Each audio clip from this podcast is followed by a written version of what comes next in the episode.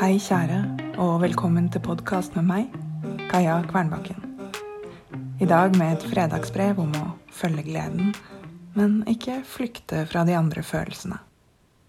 Å følge gleden betyr ikke at du aldri skal være lei deg.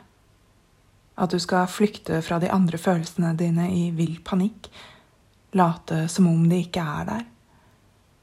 Å følge gleden betyr også å stoppe opp når gleden ikke er der, og si takk. For her er et tydelig tegn. Dette er ikke veien. Å følge gleden betyr å holde alle følelsene, og deg selv. Sånn føles det å være akkurat her, akkurat nå. Plutselig finner du glede, også i det. Forleden dag lo jeg av meg selv, og ikke på en ondskapsfull måte. Det er heldigvis mindre av det om dagen. Jeg lo av meg selv da jeg innså at jeg var sint.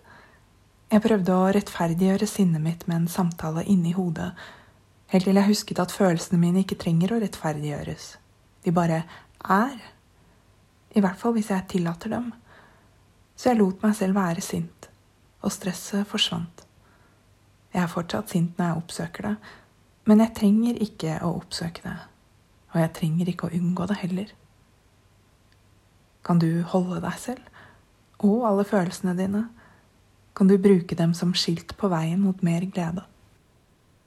Måtte du gi deg selv rom denne uken, kjære. Stor klem. Din Kaja. PS. 30. april slipper jeg nye medlemmer i skrivefellesskapet mitt Skriveriet.